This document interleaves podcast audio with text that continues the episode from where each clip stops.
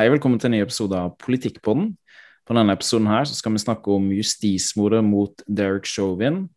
Vi skal snakke om uh, selve saken. Hva var det som uh, tvilsomme aspekter ved den saken, ved at han kunne bli dømt for forsettlig drap, som han ble. Vi skal snakke om selve rettssaken, om den ble avholdt på en rettmessig måte. Dernest skal vi snakke om Black Lives Matter, og vi skal snakke om kritisk raseteori. Yes, Hei, velkommen til det, Jonas Stava. Hvordan går det?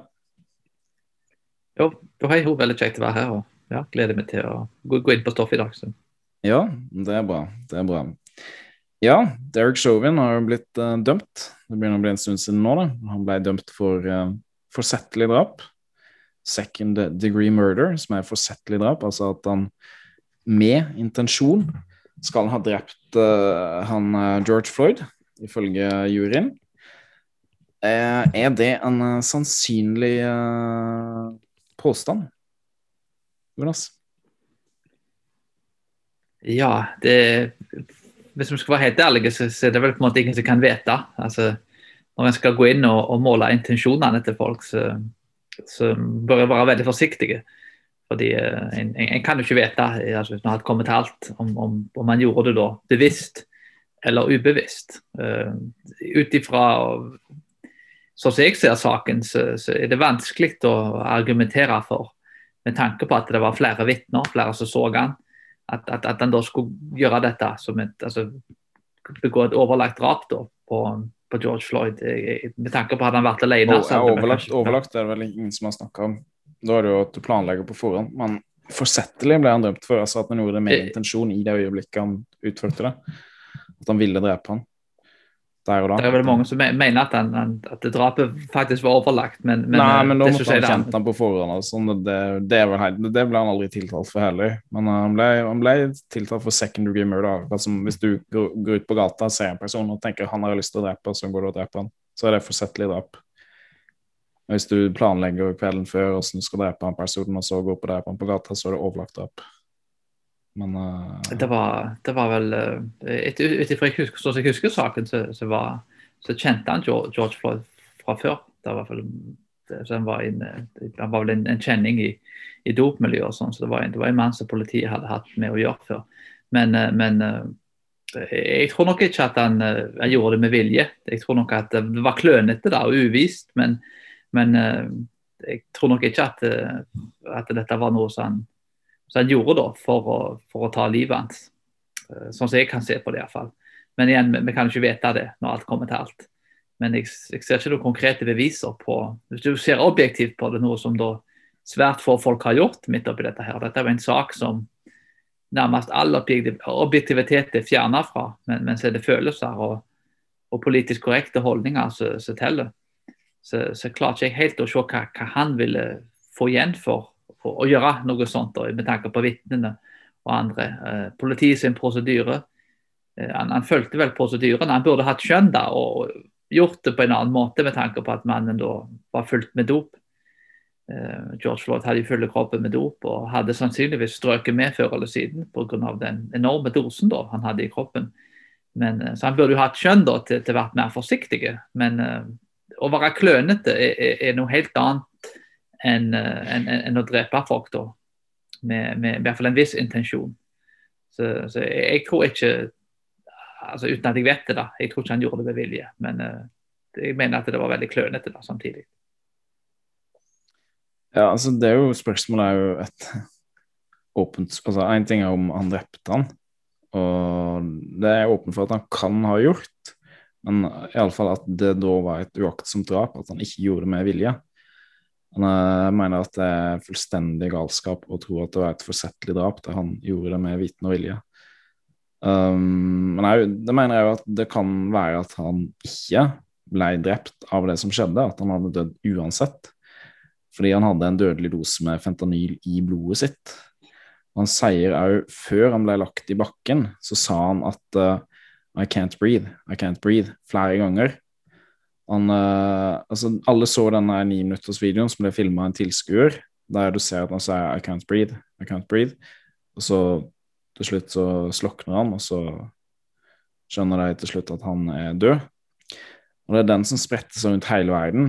Og så etter en måned eller to måneder eller for en ganske lang stund, så var det Daily Mail i England som fikk tilgang til hele uh, den såkalte bodycam-videoen, den kroppskameravideoen, som viser at George Floyd sa 'I can't breathe', 'I can't breathe' mange ganger før han ble lagt i bakken.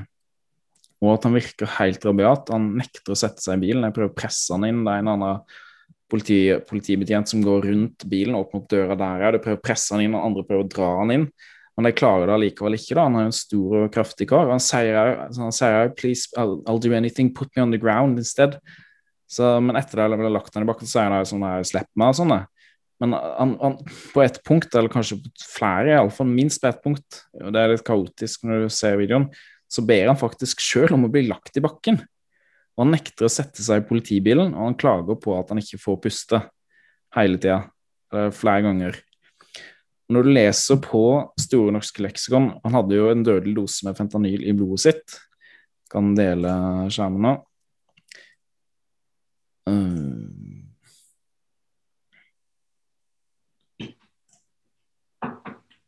Er det skjermen her Fentanyl på Store leksikon.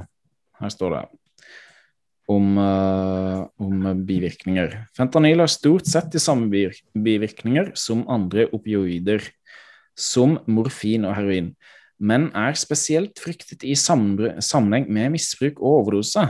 Dette pga. sine raskt innsettende effekter og kraftige potens, med dyp søvn, ufrie luftveier og pustestans som resulterer i oksygenmangel til hjernen og hjertet, med eventuell død til følge.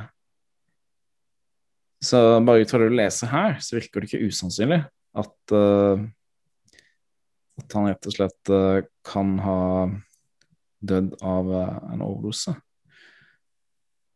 Så ja.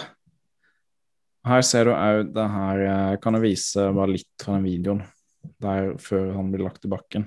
Han sier 'I can't breathe'. Jeg holder på å prøve å få han inn i bilen her.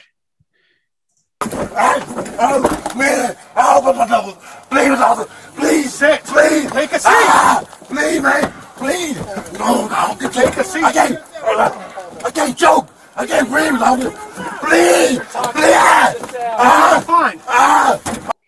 Se her. Han sier 'I can't breathe', og han motsetter seg arrest. Han nekter å sette seg inn i bilen.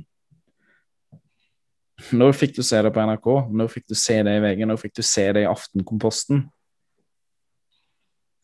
Altså, det Folk vil lure oss til å tro at USA er et kjemperasistisk og fælt land. Nei, så det er jo det jeg snakker om her, er jo med, med at uh, rettsdokumentet viser at George Floyd hadde en dødelig dose med fentanyl i systemet sitt, i blodet. Og du kan jo lese en del faktasjekker rundt forbi på CNN, MSNBC, hvis du søker det opp, som står at det er liksom false osv. Men, uh, men da går det alltid ut for at ja, jeg skriver hvis du leser det de skriver der, så skriver de alltid at ja, han hadde en dødelig dose i blodet sitt. Men det finnes eksempler på folk som har hatt så høy dose i blodet sitt med fentanyl og overlevd. Derfor så kan de ikke ha dødd av det. For det at det finnes noen, noen eksempler som finnes som det kan vise til, der folk har overlevd med det. Men det er jo en helt rar logikk. Du kan alltids finne eksempler på folk som har overlevd ekstreme ting. Men det betyr ikke at uh, dette Det betyr ikke at han da allikevel ikke hadde en dødelig dose med fentanyl i blodet sitt, for det hadde han. Hva tenker du, eh, Jonas? Ja, jeg tenker det at den, den logikken der som du nevner, er jo helt forferdelig. Men at det finnes folk som kan spise metall, og, og kroppen fordøyer det. Men hvis du søker på YouTube med spesielle mennesker som gjør utrolige ting, så, så det er folk som, som kan altså, Det var en som uh, Båten sokk, og så, så, så altså, svømte i isvann. da, altså i, langt, veldig langt. og Doktoren fortalte han at det var en av, en million mennesker som hadde kunnet overlevd. Fordi at kroppen hans da hadde et visst altså Måten fettet hans var organisert på, gjorde at han da altså, kunne overleve lenger i isvann enn andre folk. Men, men, men altså igjen, det er ingen nesten så, så, som kan klare noe sånt. Hvis jeg skal gå ut ifra unntakene, mener jeg, så kan en ikke lage et eneste argument en kan ikke argumentere for noen ting. For det er alltid noen da som, som ikke vil passe inn. Og jeg må si at Det er en, en, en veldig løy måte og en, en, en inkonsekvent måte å argumentere på. Ja, der er alltid unntak, men, men det er regelen som, som, er med å bygge opp argumentasjonen. Og Hvis vi ikke kan bruke regler for å argumentere, men altså da, regelen da, og ikke unntaket for å argumentere, så, så, så er det nesten umulig å komme med noen som helst argumenter. Så Det, det, det er utrolig å se journalister da, i anerkjente aviser argumentere på en, på en, på en så ja, eh, altså så, så irrasjonelle måte. Det, det, er tragisk å, å se denne utviklingen. Det, det, det viser jo at, at, mediene er blitt aktivister.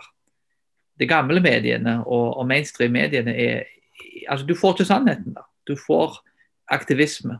Så, så Målet er å, å fremme ett bilde av virkeligheten og, og, og utelukke alle andre vinklinger på ting. Og det er, ikke, det er ikke rapportering, mener jeg. Det er ikke journalistikk. Det er, det er, politisk og ideologisk aktivisme. Og egentlig en form for indoktrinering. Så, så mediene er, er, ødelagt, kan du si. Altså, midt oppi dette her, da, spørsmålet er hva dør George Floyd av? Det er ikke det rette spørsmålet. Spørsmålet er hadde det noe som helst, hadde det noe som helst å bety for de som så på saken. Og Sannheten er at det, det hadde ingenting å bety. Men jeg, det eneste det hadde å bety, var at det var, det var en hvit mann som, satt på nakken til en, til, en, til, en, til en, svarte mann. Han satt jo ikke på nakken, der, som du nevnte. Det var det eneste ja, noe kan, før, før, du går inn på det med selve rettssaken, uh, så kan vi gå inn på det du sa med nakken. Så skal vi på videre til rettssaken om selve rettssaken ble avholdt på rett måte. Rett måte. Her har du den, uh, et klipp fra, fra rettssaken, og du bare kan høre hele greia. Så får jeg se hva det sier. Det er snakk om om han hadde faktisk kneet på nakken da, eller, eller ikke. Chief, that from the perspective of eh, her, forresten, jeg kan si det. Det her, jeg tror det er eh, advokaten til eh, Jeg tror det er advokaten til eh, Derek Chauvin som uh, spør ut han uh, politisjefen i Minneapolis. Sikkert av vel. Det er iallfall politisjefen da, i Minneapolis som blir, eller politimesteren i Minneapolis som blir uh, spurt ut. Det er helt sikkert. Jeg tror det er av advokaten til, til Derek Show. Miss Frazier's camera. It appears that Officer Chauvin's knee is on the neck of Mr. Floyd. Ja, den videoen der er den alle har sett, som sirkulerte rundt på hele internett. Og det her er fra da, kroppskameraet til uh, Derek Show. Yes.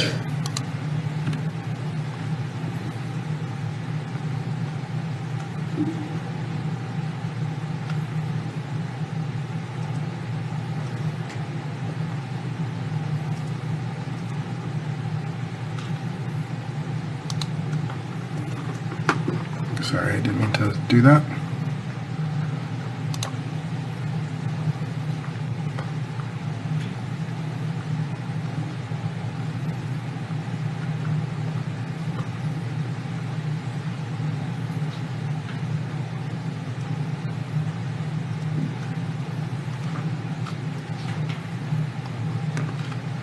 Would you agree that from the perspective of Officer King's body camera, it appears that Officer Chauvin's knee was more on Mr. Floyd's shoulder blade. Um, yes. I have no further questions. Jeg beklager for Officer King sa han for et annet, for en annen fyr sitt uh, kroppskamera. Men i alle fall, så Her sier jo politimesteren Han blir spurt av advokaten til Eric Chauvin vil du være enig i at fra, ut fra denne kroppskammervideoen til uh, politibetjent King, så ser det ut som at kneet er mer på skulderbladet enn det er på nakken? Da svarer han altså ja på det spørsmålet. Så i det hele tatt om det var rett på nakken, det er altså et åpent spørsmål faktisk her. Så den vanvittige spinnen vi har fått om dette, er jo helt vanvittig. La meg bare pause og si en ting om det her, for folk kan kanskje tenke og se på det her, Oi, så vanvittig ondskapsfulle og kyniske det er som snakker om det her på denne måten her. Bare si at det, det, er selvfølgelig Bare se på den videoen her og se at han er, han er død der. Uh, George Floyd, du ser han er helt slapp i kroppen, blir lagt på båret. Det er vondt å se på. det er en tragedie når et menneske dør, og et menneske er skapt i Guds bilde og verdifullt. Og det er en tragedie, det som har skjedd her. Og, og er jo et ut fra sånn Det ser jo ikke bra ut at de satt han så lenge når han da begynner å bli helt livløs og sånn, at de antageligvis har gjort øh, gjorde feil her i måten de gjorde det her på.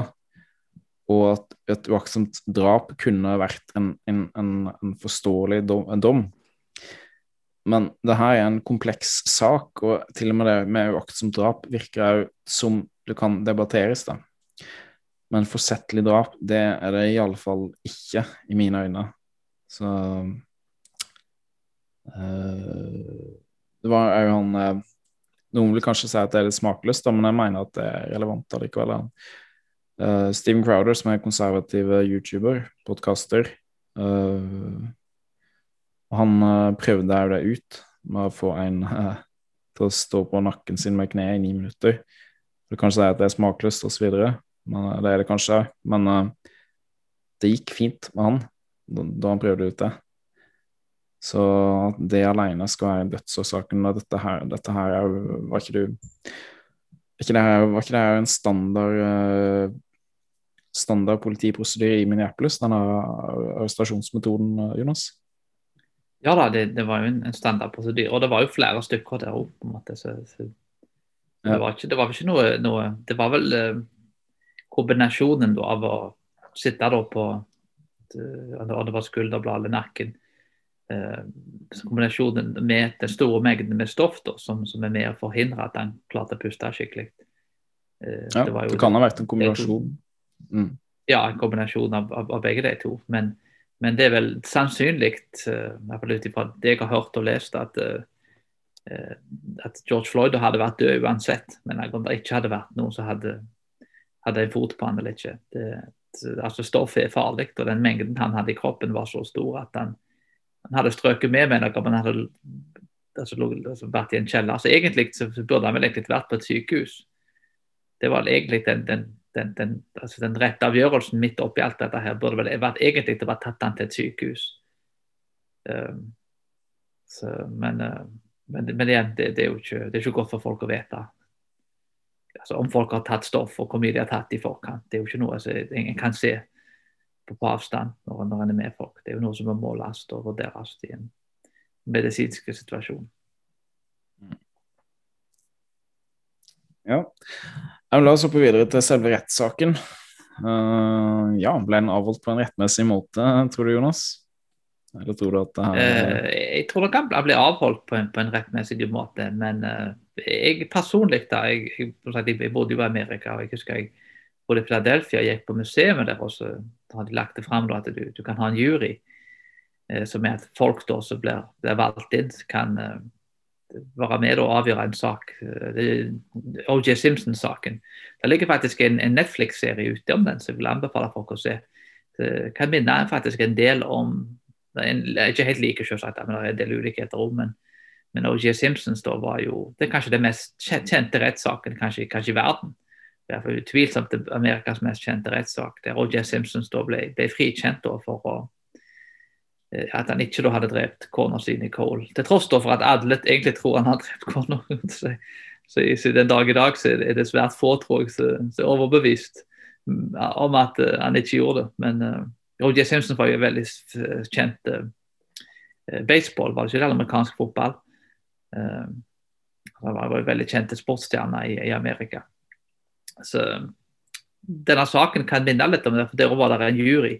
Men, men, forskjellen her er nok det at uh, jeg tror på mange måter ting har blitt mye verre nå. Altså, O.J. Simpson på, på, hans tid så var det nok mye, mye mer rasisme vil jeg si, i Amerika. Og, og ja, altså, det var, det var en mye tøffere tid for, for forsvaret. og Eh, I dag så er det problemer òg, men, eh, men, det er nok blitt betraktelig mye bedre eh, bare på de 20-30 årene. Så, så, men når det kommer til juryen, da, så tror jeg nok at uh, spørsmålet er vel kanskje det Min vurdering er vel kanskje mer det at uh, i saker som denne, så, så jeg er ikke noen stor fan av jury. Fordi det er vanlige folk uten opplæring. Altså uten kanskje evne til å tenke kritisk. De har ikke blitt opplært i en, en dommer han er opplært og han er veldig kunnskapsrik. Han har hatt masse saker bak seg. Han har kanskje gjort noen feil, men har lært av feilene og kommet videre. Dommere er ikke perfekte, selvsagt, men, men det er jo kanskje lettere å bestikke en dommer. Men, men uh, dommerne da, og har, har ressurser til å beskytte seg selv, som du nevnte, mot angrep, hvis de skulle dømme på en måte da, så folk skulle lyst til å drepe dem i etterkant. Så, så dommere er jo for, forholdsvis velstående og får midler da, til å beskytte seg selv. Så dommer er et bedre valg i, i, i, denne saken her. Og De kunne hatt en svarte dommer, eller de kunne hatt en uh, ja, altså en, en, åpenbart ikke en hvit dommer. uh, så det er mange måter å gjøre det på. I OJ Simpson-saken slo på det var en asiater som dømte den saken da. Så i var, var det, Han var iallfall halvt, halvt asiatisk, tror jeg. Så, så det er mange måter å gjøre det på, så du kan gjøre det i hvert fall mer objektivt det som skjedde med juryen, at det sto en mobb med folk som hadde lagt ut adressene til folkene som bodde der. Bare tenk på det sjøl.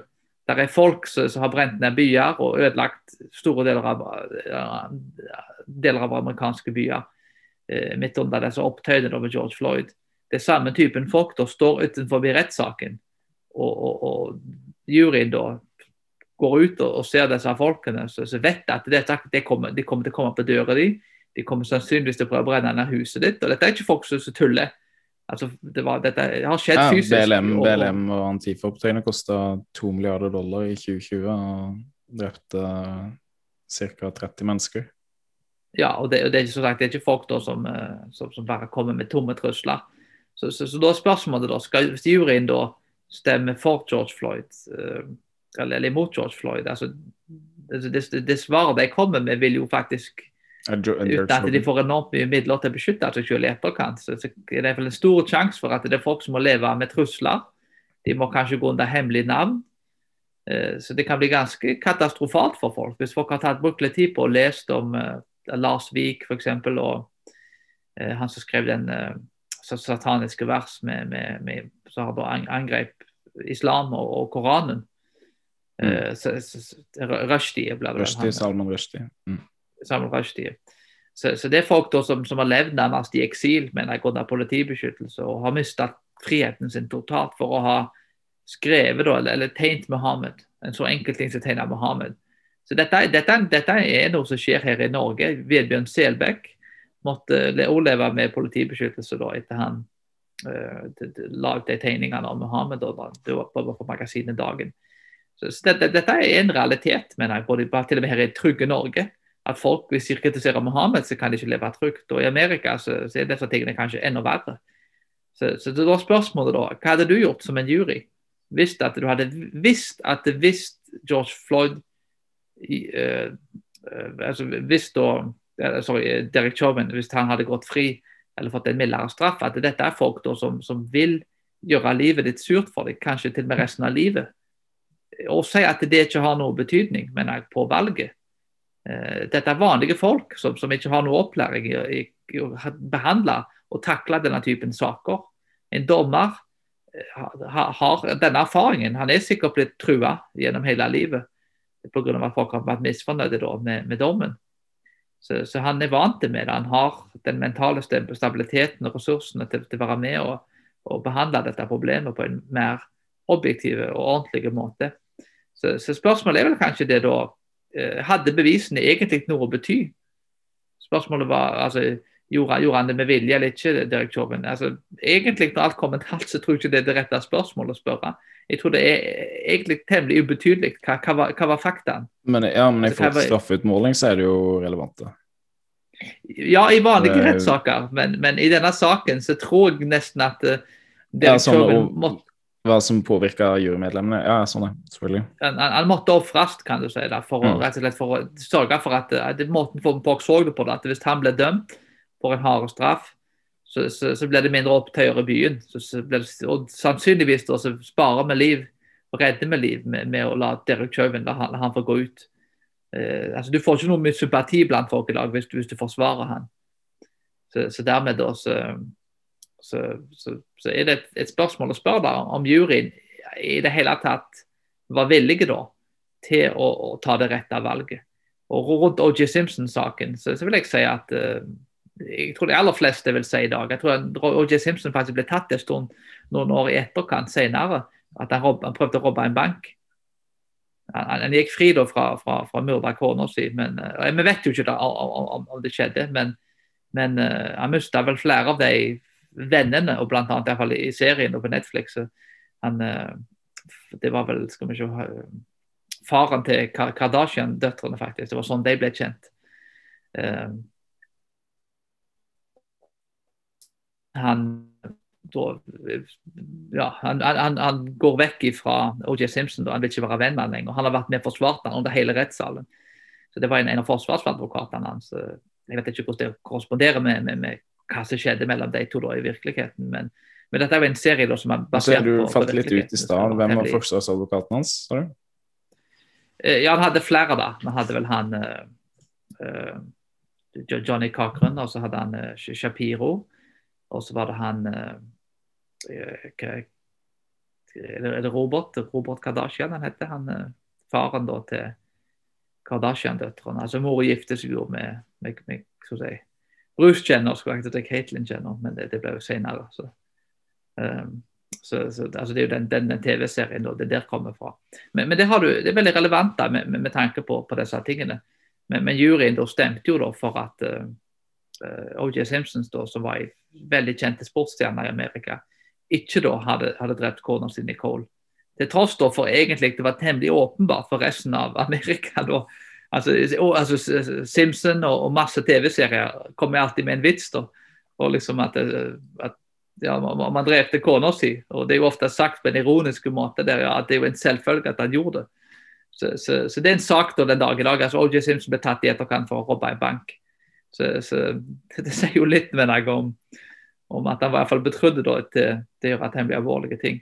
Jeg vet ikke om han, om han gjorde det, sagt. Han, han, gikk jo fri fra det, men, men, uh, men uansett, altså, poenget er i hvert fall det at uh, disse sakene ble brukt ideologisk, politisk og dette, denne saken her var så drevet av politisk aktivisme og så mye risiko og trusler mot juryen at det er et spørsmål å spørre egentlig det, hadde det noe ting å bety.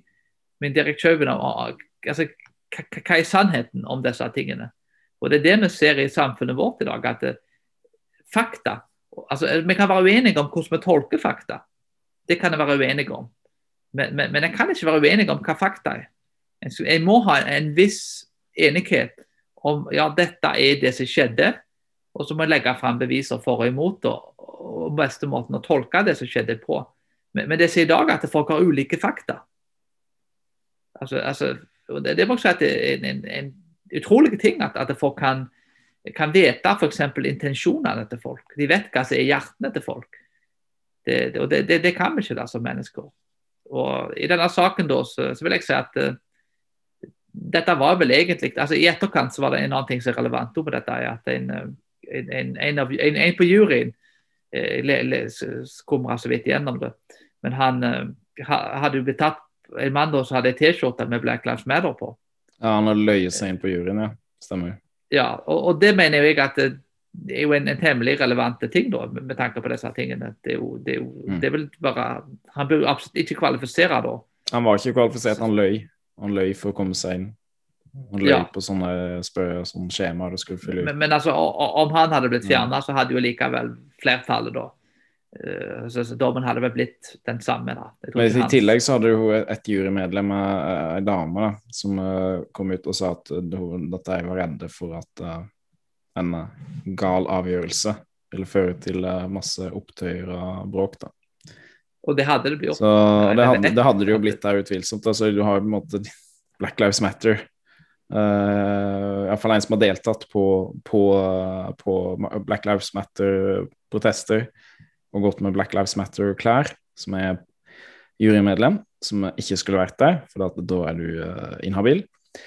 Og så Eller inhabil er kanskje ikke rett ordet, men ja, du er iallfall uh, upartisk, eller du er kvalifiserer iallfall ikke til å sitte på juryen i en sånn sak.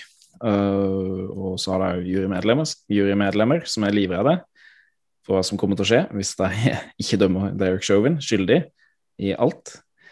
Så, så det er helt åpenbart at dette var en helt råtten prosess fra ende til annen.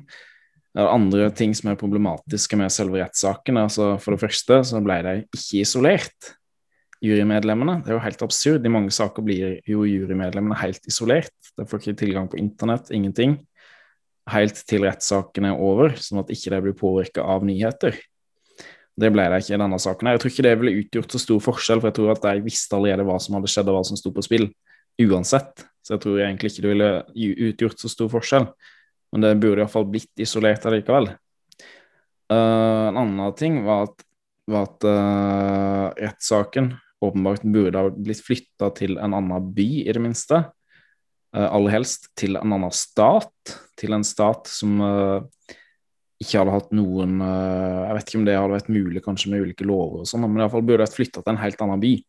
Ikke Minneapolis. Du kunne funnet en bitte liten småby der som aldri har hatt et eneste BLM eller Antifa-protest Antifa i demonstrasjon i, i, Minnesota.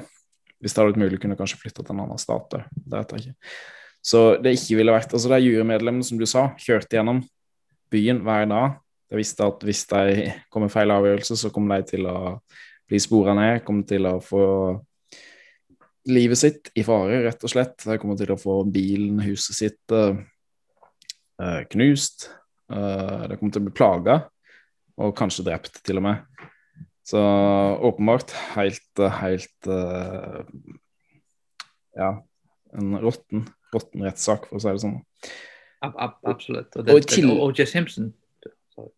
Ja, bare snakk.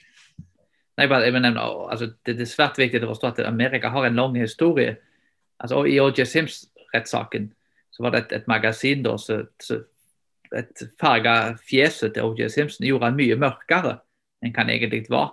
Så de, de, de, de altså, gjorde altså, bildet da, på magasinet på framsida mørkere for å vise at dette her da var en mann som ble forfulgt pga. rasen sin. Til tross for at uh, kona hans var hvit, alle vennene hans var hvite. Han bodde i et hvitt område med masse hvite folk. Og, han ble hylla av hvite folk, men som ei store sportsstjerne. Men, men, men, til tross for det, så, så ble han likevel gjort, altså, gjort et offer for rasisme. Til tross for at folk hadde, mange hvite da hadde betalt han i formue store deler av livet sitt da, for, å, altså for å kaste en ball. Men jeg, så, så, for, for, å være god i sport. men jeg, så, plutselig da, så vendte det helt om. og dette ble en mann, da. Det, altså det er jo åpenbart at den, den saken ble brukt politisk, og, og, rasen hans ble brukt da, altså til hans fordel. Eh, og han ble gjort om til, til en helgen da, for, for svarte, til tross for han eh, igjen, altså han, han eh, gifta seg med, med hvite, han hadde hvite venner. Bodde i et område der det ikke var svarte, kan du si. Så, så jeg klarer ikke helt å se liksom, med, med OJ Simpsons hva han hadde gjort for det svarte miljøet, som var så veldig oppbyggelig og positivt. Uh, han, gjerne han var dyktig i sport og sikkert en, en hyggelig kar og kjekke kar og alle de tingene. Men, men, men det, det, er veldig løye å se på. Likte det med, med, med George Floyd at uh, du ser på begge de to sakene, så det er noen klare paralleller. At det er folk som, som egentlig ikke, etter min mening, har gjort spesielt store og, og, og positive ting for miljøene så, altså med rasen som de representerer. Og så blir de bygd opp da, og lagt fram som, som, som helgener og som helter, uten egentlig å ha, ha gjort noe for å fortjent den tittelen. Hva, hva, tenker du om det? Nei, det er jo helt sant. George Floyd har jo på rullebladet sitt bl.a. at han uh, en gang rana en gravid kvinne med pistol. Det er jo fantastisk. Så det var ikke akkurat uh, mors beste barn. Måten han har blitt hylla på nå i ettertid, er jo helt vanvittig. Jeg, ikke, jeg, liker egentlig ikke å snakke noe stygt om døde folk og sånn, så jeg skal uh, kommentarene til det, tror jeg. Men uh, i alle fall, hvis du undersøker bakgrunnen til George Floyd, så er det åpenbart at han personen her er ikke Altså, det er jo folk som går rundt med bilder av han, har altså, T-skjorter med bilder av George Floyd på sånn nå, om det er helt absurd. Det er ikke en person som svarte, svarte barn og unge burde se opp til i Amerika. Og ingen andre heller, for øvrig. Um, ja, men andre, andre, andre Ja, beklager. Nei, nei, nei jeg bare si en kort ting. Hvis du, du bytter OJ Simpsons og, og, George Floyd ut med Thomas Soul og, og Ben Carson. Så, altså en kort tips. Jeg hadde to svarte som faktisk er forbilder for folk. Veldig gode forbilder. Ja.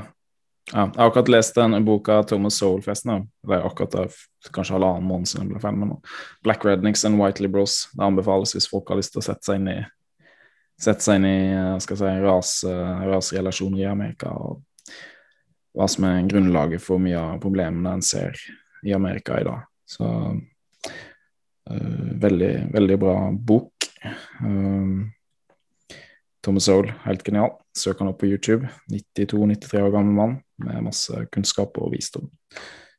Yes, men du skulle bare si noen flere ting med, med rettssaken som gjorde at den var helt råtten, og det var at kongressrepresentant for demokraten Maxine Waters hun fløy inn til Minneapolis under rettssaken og ba folk om å bli mer konfronterende. Uh, etter at har BLM Antifa har gjort skade for to milliarder det foregående året og drept 30 stykker, eller kanskje ikke direkte drept, men iallfall ført til med de opptøyene som førte til at 30 stykker har blitt drept. Uh, og da sier hun at det må bli mer konfronterende. Det er å legge helt vilt press på juryen. Og ikke nok med det, til og med Joe Biden. Og det her ble jo lagt fram som som førstesidesak, iallfall en liten stund, på nrk.no, som en gladsak, da, som en, som en god nyhet. At da Joe Biden sa at han ba om en rett avgjørelse Det var rett før juryen da skulle gå inn og diskutere hva det skulle si. Han ba om en rett avgjørelse, altså ba til Gud. Og han sa at bevisene mot Derek Chauvin er overveldende, og jeg ber om en rett avgjørelse.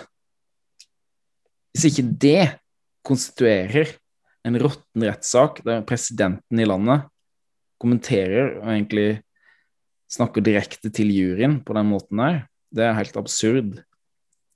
Uh, det er noe av det verste jeg har sett. Det er mye verre enn noe som helst uh, Donald Trump har gjort. Så nei. Det ja, ikke bra i det hele tatt. Og det til slutt, altså, til slutt er jo da milliondollarspørsmålet. Hvorfor slapp de ikke kroppskameravideoen med en gang? Hvorfor ble det sånn at den ble lekka? Jeg husker ikke noe nøyaktig, men i hvert fall en måned etterpå, to måneder kanskje, to måneder etterpå, jeg husker ikke. I alle fall en måned etterpå så ble den sluppet, kroppskameravideoen.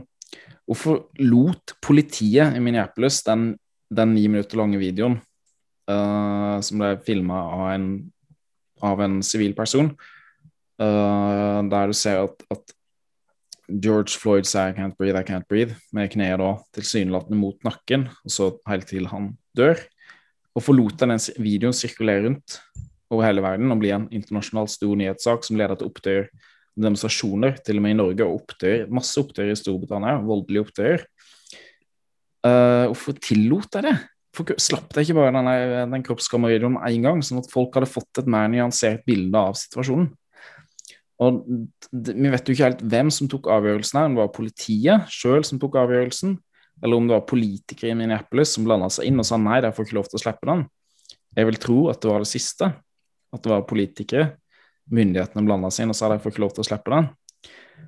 Og jeg tror at grunnen til at jeg gjorde det her, var fordi at jeg ville skape en følelse av kaos. De ville ha opptøyene. De ville ha kaoset. Til og med myndighetene i Minneapolis ville ha det. eller ville at det skulle spre seg rundt til hele landet. Sånn at folk kunne få en følelse av at oi, det var helt kaotisk under Trump hele tida. Alt går, måte, Byer står i brann, det er masse opptøyer. Hele landet er blitt kjemperasistisk osv. osv. osv. Og så skape en følelse av krise. Og så skremme folk til å stemme demokratisk ved presidentvalget i 2020 og si at Kom, stem på meg, snille, gode Joe Biden er en gammel bestefar. Jeg kommer og får deg tilbake til en normaltilstand. Alt blir så vel, og så Alt blir såre vel, bare de stemmer på meg. Det er min teori. Jeg sier ikke at det her er riktig, eller at jeg vet det, men jeg må jo begynne å spekulere i hvorfor tillot jeg det? Hvorfor, hvorfor, for det første, hvorfor tillot de det? da? Hvorfor tillot de at den kroppskameravideoen aldri ble sluppet, at den ble lekka til slutt? De slapp den ikke med vilje. Og da, da ble den heller ikke rapportert om bare i, bare i såkalte alternative medier. Og i tillegg, hvorfor tillot de demonstrasjonene, som var voldelige veldig ofte, hvorfor tillot de at det fikk pågå? Og det kunne jo lett slått det ned, hadde det vilt, men jeg nekta ofte å ta imot hjelp fra fra Oi, må du hjelpe meg, Jonas. Hva heter den? Uh, National Guard. Fra The National, fra National Guard i USA. Mens du så i republikanske stater, så var det jo nesten ikke opptøyer. Da var det opptøyer, men de ble slått ned igjen med en gang. Mens i demokratiske stater og sånn, så var det, jeg ville ikke få hjelp. Da ville jeg bare at det skulle være opptøyer. Så hva tenker du om den teorien, Jonas? Tror du det er alt At jeg tillot det, rett og slett, for å få Trump ut fra, ut fra Det hvite hus? Jeg snakket, snakket nylig med, med et, et, par som bor i Minneapolis. Vi kjenner jo godt til hva som skjedde midt oppi dette. her, og, De sa jo at uh, det var forferdelige tilstander. på en måte, og de Naboen deres, et eldre par, de måtte jo ja, rett og slett barrikadere husene sine. og altså, Spikre paller og forskjellige ting. da, og rett og slett Være livredde da, om nettene. De fikk ikke sove om nettene. og måtte være med og beskytte naboen. og Det var enormt mye opptøyer og opprør. Og Jeg snakket faktisk med dem nå igjen, da, for ikke så lenge siden, faktisk, nå, nå, nå helt sent. Uh, etter alt dette her har roa seg ned da, med, med og alle disse tingene. Men, uh, og Det er fortsatt mye opptøyer og veldig urolig i, i, Minneapolis. og Jeg tror nok at de, de vurderer å flytte. Fordi Det er, ikke, det er ikke blitt en, en trygg plass å være for, for folk. Uh, med, med, alle opprørene. Så kommer jo an på hvor du bor, selvsagt. Da. Det er jo Noen plasser er mye bedre enn andre. Men, men det, ja, det har ikke, egentlig ikke roa seg ned heller, så, så veldig mye nå i etterkant. Men uh, det jeg forstår iallfall. Akkurat der de bodde, iallfall. Så Nei, dette her er politisk. Det, det, har ingenting med Fakta er ubetydelige. Informasjonen om hva som egentlig har skjedd, er ubetydelig. Det, det, de har latt det skje fordi at det hadde vært nyttig politisk. Så når alt kom til alt, egentlig, så, så for den politiske saken det at George Floyd døde, var vel egentlig noe tror jeg egentlig mange alt kom til alt veldig glad for. Ja, han død, så kunne de bruke han som uh, spille politiske mynt på George Floyd, og, og bruke han da som, som et offer. Og Drive identitetspolitikk og få folk til å hate hverandre. Drive folk ifra hverandre. Altså Hvite hater svarte, svarte hater hvite. Og så, og så, kan du kontrollere folk. Som Ben Carson sa. Når folk er sinte, så kan du kontrollere dem. Så, så Hvis du holder folk sinte, så, så kan du kontrollere dem. Og det, Mye av dagens politikk er styrt på den måten. Det er splitta folk inn i grupper og sette dem opp mot hverandre. Det er splitte-hersk-mentalitet. og det, det, Dette har som sagt ingenting med, med, med, fakta og virkelighet å gjøre. Det har kun med politikk å gjøre. Så Demokratene i stor grad i Amerika har, har, har latt egentlig folk få lov til å brenne ned forretninger og ødelegge ting. Eh, hvis, hvis, det er gjort eh, for, der du kjemper for raserettigheter, så kan du brenne ned butikker til svarte folk og, og kalle det sosial rettferdighet. Så Det er jo en, en, en, en tragisk utvikling. Hvis du så f.eks. under covid-restriksjonene, så, så, vet jeg om flere eksempler i Amerika, og som folk som jeg har snakket med til og med, som var veldig eh, Ja, du, du, du var kjempestrenge på covid. Liksom. Du måtte ha munnbind og alt på. Men når det kommer til protester, da er det helt i orden å samles et tonn med folk. Vi hadde vel i Oslo faktisk, at det var en god del folk som samles da. Ut forbi. Her må alle holde lovene reglene. Men når det kommer til å protestere da, for, for, en god sak, da er, er det helt greit. Eh, tonnevis av folk så, så, som er ute midt, midt oppi en pandemi og et virus. Så, så det er en enorm dobbeltmoral. En, en, en ekstrem dobbeltmoral, vil jeg si, midt oppi alt dette her. Der, der eh, hvis, hvis, du gjør ting for George Floyd, da gjelder ikke de vanlige spillereglene lenger. Da legger vi logikk, rasjonalitet, alt oppi en boks, låser det vekk, og, og, så spiller vi politisk mynt på hele greia. Og Når alt kommer til alt, da, så handler dette om makt. Folk er villige, i politikken spesielt, til å gjøre nesten hva som helst for å få makt. Og ja, de er villige til å la folk dø til og med for å få den makten. Menneskeverdet er blitt undergravd i Vesten. Vi, vi, tror ikke lenger på menneskeverdet. Vi tror ikke på menneskerettighetene. Men, men, vi sier det, vi bruker ordene. Men det er blitt et tomt skall, egentlig blitt fulgt opp med en helt annen mening enn hva det opprinnelig hadde.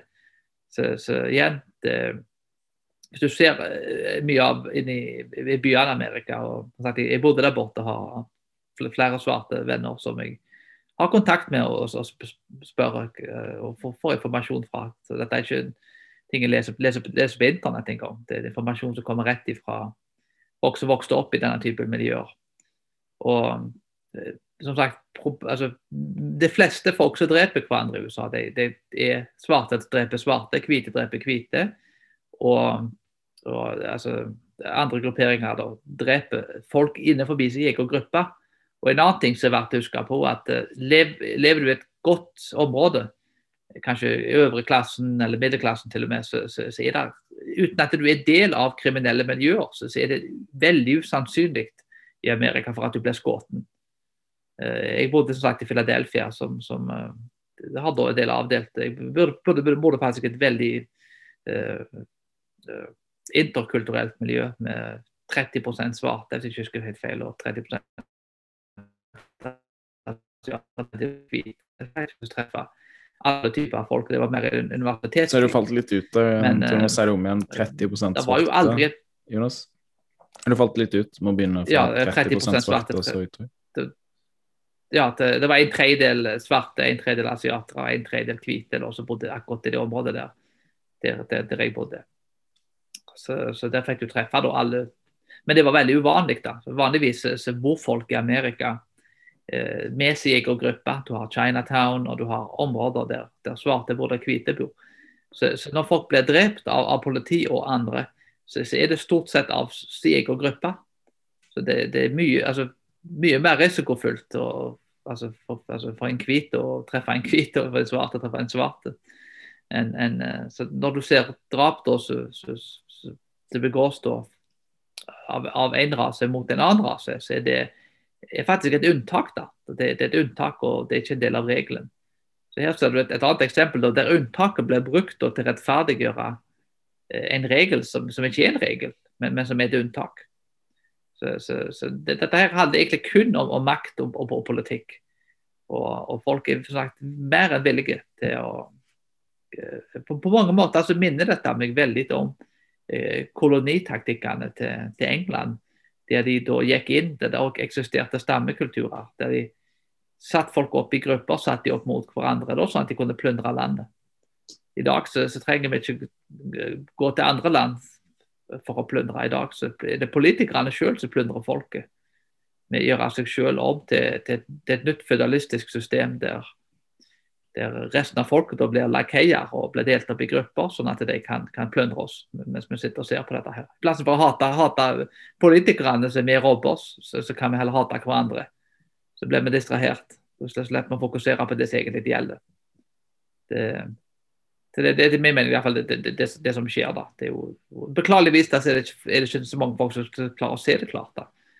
At den, eh, den største fienden i, i i, i Amerika er, er, faktisk ikke hvit, den hvite, den svarte eller, eller asiateren. Det, det, det, er helt andre ting som folk bør bekymre seg for enn en, en det.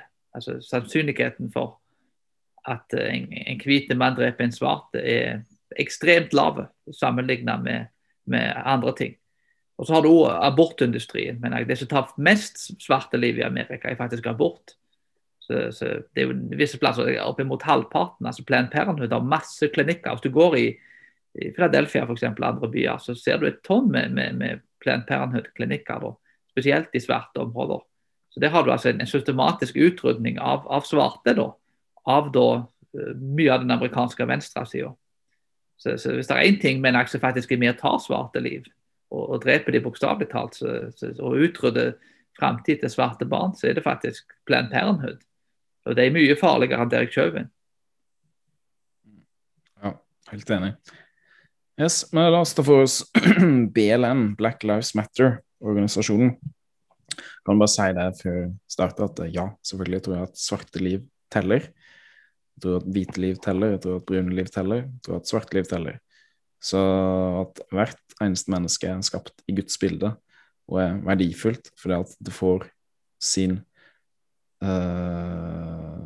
verdi fra Gud, rett og slett. Og det er jo grunnen til at rasisme er galt, og kristendommen er, det, kristendommen er det beste grunnlaget for å si at rasisme er galt, for at hvert menneske er skapt i Guds bilde, og at Gud gir det verdi. Så, men BLM, Black Lives Matter, det høres jo så fint ut. Svarte liv teller, Black Lives Matter. Hva er det som er galt med denne organisasjonen her? For det første så vil jeg si at det, det som er galt med den organisasjonen, det er mange ting.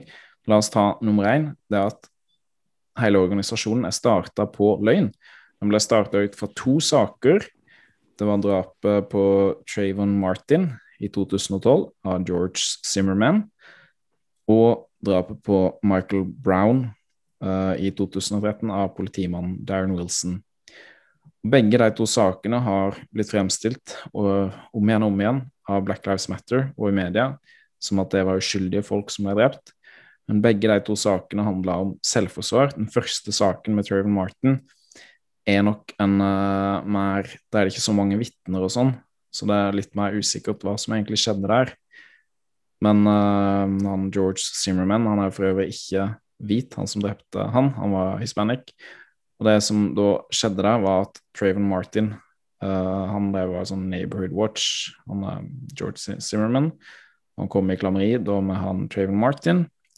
Det kom i slåsskamp, og Traven Martin tok hodet hans og bank, bank, bank, bank, bank ned i asfalten, holdt på å drepe han, og George Zimmerman hadde en pistol på seg, trakk den opp og skøyt og drepte han. Så det var i selvforsvar. Sak nummer to, Michael Brown i 2013. Det var den Ferguson, Missouri, som ledet til masse opptøyer mens Obama var president. Der var det han Michael Brown som akkurat, akkurat hadde rana en kiosk, tror jeg det var. Eller en butikk. Iallfall rana en, ja, en, et sted. Og så ble han ringt, ringt til politiet. Han politimannen, Darren Wilson, kom kjørende. Så to menn som passer beskrivelsen, som hadde rana stoppa bilen sin. Um, og så snakka han til Michael Brown uh, gjennom vinduet, bare. Michael Brown prøvde å ta pistolen til Darren Wilson. Han var en svær, svær kar. Og i den, det kaoset, der, den slåsskampen som måtte gjennom vinduet, vind, gjennom vinduet da, som oppsto Han hadde bildøra låst, så han greide ikke å få den opp, så den bare slåss gjennom vinduet. Så greide Darren Wilson å få avfyrt et skudd mot han og skyter han i handa. Michael Brown da uh, bare går vekk fra bilen og fortsetter å bare gå nedover gata eller løp. Jeg husker ikke løpe eller gå. Darren Wilson går ut av bilen, uh, går etter han, befaler han å stoppe, komme tilbake. Og så da snur Michael Brown seg og løper alt han kan mot han. En svær, svær kar som ville tatt han Darren Wilson, banka han opp i en slåsskamp hvis det hadde blitt en håndkamp. da. Darren Wilson da skøyt han bang, bang, bang mange ganger helt til han dør, rett og slett, for da var han i livsfare. Fordi Michael Brown løp rett mot han, han var en større og sterkere kar enn han. Det var det som skjedde. Og det fins kjempemange vitneutsagn på at det var det som skjedde. Kjempemange svarte folk som vitna på at det var det som skjedde. Men den løgnen som ble gjentatt i media, var det 'hands up, don't shoot'. At han hadde sagt at Michael Brown da hadde sagt 'hands up, don't shoot', at han sjøl hadde tatt hendene opp i været og sa, sa til politimannen 'hands up, don't shoot'. Men det var da en løgn, sånn som jeg kan huske det, som var da gjentatt av hans partner, som var med å rane kiosken eller butikken, som han sa. Og som han da seinere trakk tilbake og sa at han bare hadde funnet på. Og da, Det var noen òg som hadde vitna på at han hadde sagt det, men det var bare fordi at de hadde hørt at han hadde sagt det han vennen til Michael Brown, så hadde jeg sagt ja, var det ikke så hands up, don't shoot. Var ikke det han sa, han andre fyren òg. Men uh, alle de som direkte hadde hørt, som ikke var han vennen til Michael Brown, og som var med i Rane-kiosken, som direkte hadde hørt, også, eller direkte hørt og sett hva som skjedde, alle de kunne vitne på at det, hands up, don't shoot, er aldri uttalt. Så BLM, grunnlagt på en løgn. Hele organisasjonen er grunnlagt på en løgn. Og så er det òg statistikken som blir gjentatt da om igjen og om igjen og om igjen, og om igjen, som du gjør hele tida, at svarte er 13% av befolkningen i USA, og det 25% av alle, altså alle, alle de som blir drept av politiet i USA, er svarte. Og så ser folk på det, og så tenker de oi, 13% av befolkningen. Og så blir 25% så er alle, alle så er 25% av alle som blir drept av politiet i USA, svarte. Oi! Her er det en, her er det en uh, uoverensstemmelse i tallet, enn det er uproporsjonalt forhold mellom de to tallene, oi, det må være rasisme. Det betyr at, at svarte blir drept i uproporsjonalt, uh, stor grad av politiet. Men hvorfor er det feil, den konklusjonen ut fra de tallene? 13% av befolkningen og 25% som blir drept av politiet. Hvorfor er det ikke en grunn til å anta at uh, det er rasistisk politi i USA. Hva tenker du, Jonas? Jeg har et svar, jeg, altså, men jeg, du har sikkert sett statistikk på det mange ganger før, så du kan forklare litt. Du. Ja, øh, jeg kan jo på en måte ja, jo, En ting er jo tallene, men, men øh,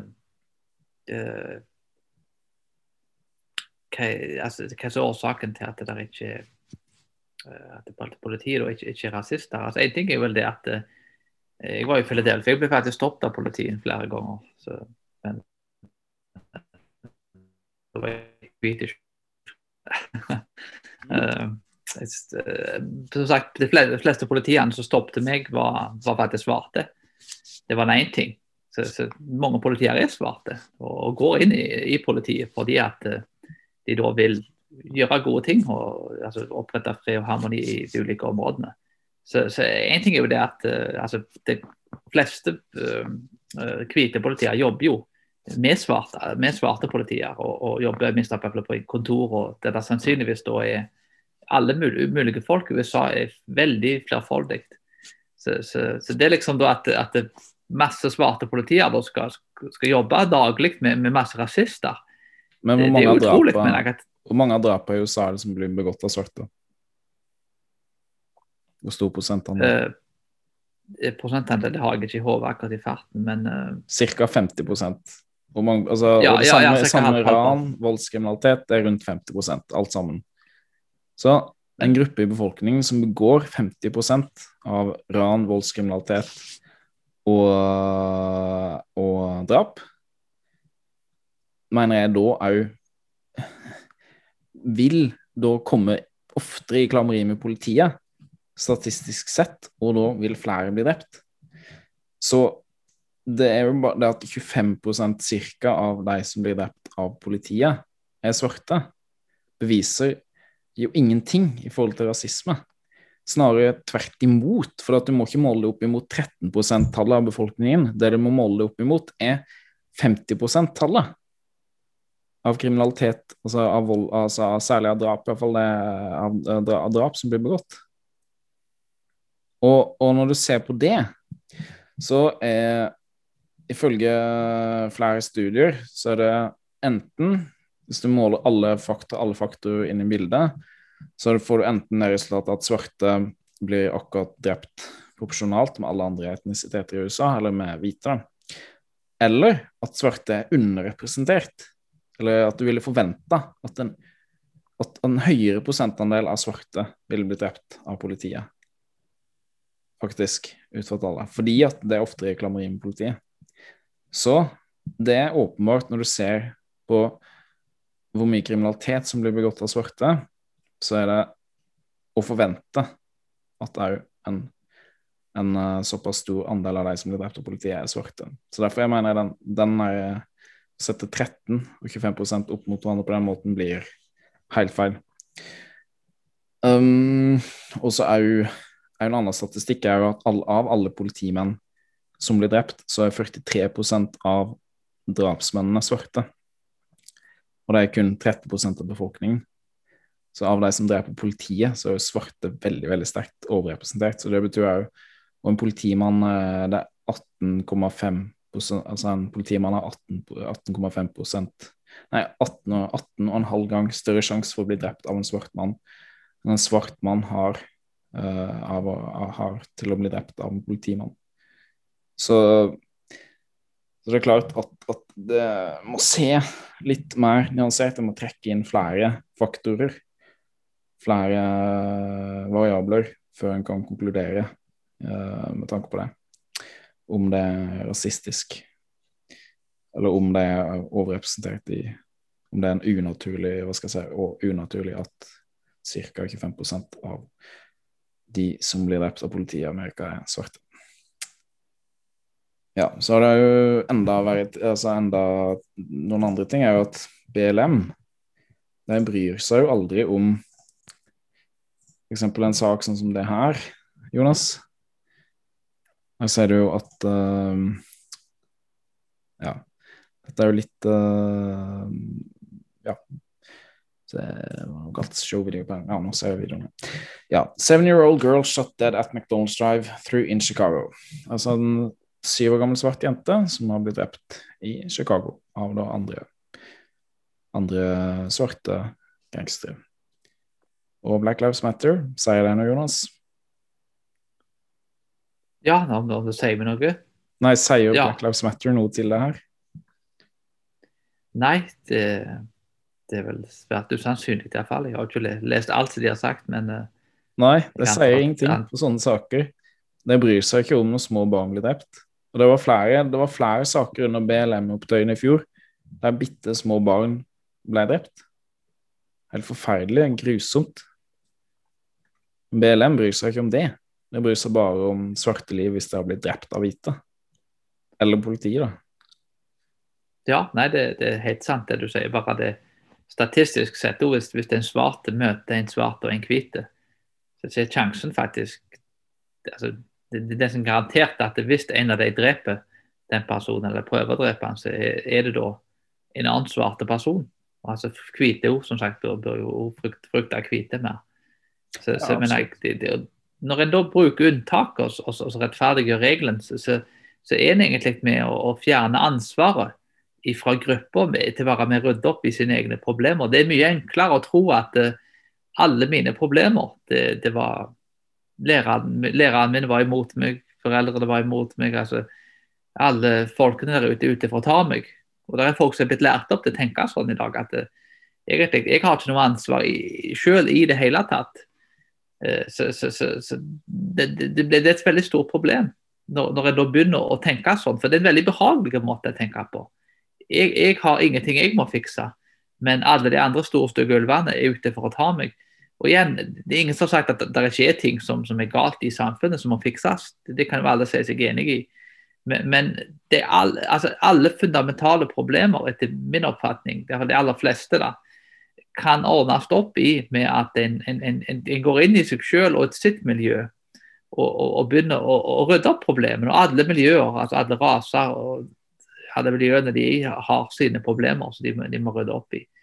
Så, så, så dermed da, så, så er det svært uheldig når, når, når denne eh, fortellingen blir fortalt opp igjen og opp igjen opp igjen og Black Lives Matter, da, at eh, det er den hvite mann du må passe deg for. Mens, mens i realiteten så stemmer det jo ikke overens med, med hva som er fakta. Og, og vi må fortelle sannheten. Eh, Og hvis det er masse hvite folk som går rundt og jakter etter svarte, så må vi fortelle det. Da, er det helt forferdelig, mener jeg. Og det er noe som bør komme fram i lyset. Men, men det er jo ikke sant, det vi blir fortalt. Det er det viktigste spørsmålet spør jeg dere. Er det sant? Hva er faktaen? Hva er researchen? Hva er informasjonen? Vi får overlevert løgner på daglig basis av media. Og, og vi må gå inn og, og se hva, hva, hva er sannheten. Og sannheten er at svarte er en mye større fare for svarte enn hva hvite er. Det, det, det, det har ikke noe med hva min mening er, men det har, har med faktisk hva, hva, hva informasjonen og researchen faktisk sier om disse tingene. Og at masse saker blir ignorert. Og, og, de som kommer til å bli påført skade av dette, er, er jo de sjøl. Altså, det er jo da fattige svarte. Så, så det Ja, det, har er allerede, allerede blitt påført stor skade. da. Nå har jeg ikke, har ikke funnet fram statistikk på det, da, men uh, det er i hvert fall kriminaliteten i mange, mange byer i USA har jo gått skutt i været under BLM selvfølgelig opptøyene og BLM Antifa-opptøyene.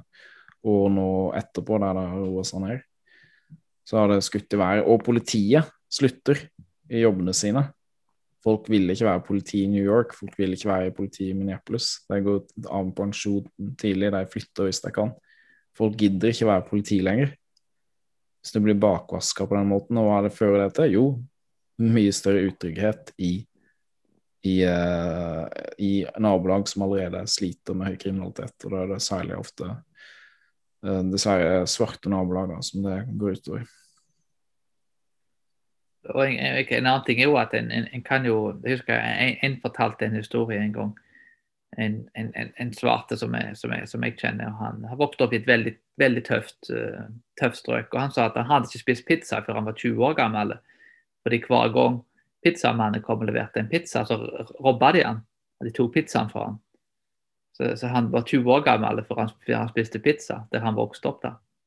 Så, så, så men, men, men, poenget her er da at uh, tenk om du går inn i et sånt område der, der, der du der er nesten 100% garantert for at du blir robba hvis du går inn. La oss si at eh, tenk, setter seg selv i skoene til en politi. Hva gjør en hvis det kommer en, en, en svær kar som kanskje har en kniv eller kanskje en pistol på seg, og hopper på deg? Og Jeg skulle virkelig likt å sett mange av disse godhetsapostlene gått inn i en sånn situasjon og så, hva hadde de gjort. Men, hadde, de, hadde de dødd? Men hadde de, hadde de, hadde de latt folk knivstikke dem sjøl, eller hadde de ofra seg sjøl? Det, det, det, det, er veldig enkelt for oss å, å, å gå inn i situasjoner og så han burde gjort sånn og sånn og sånn. Du har fem til ti sekunder å reagere på.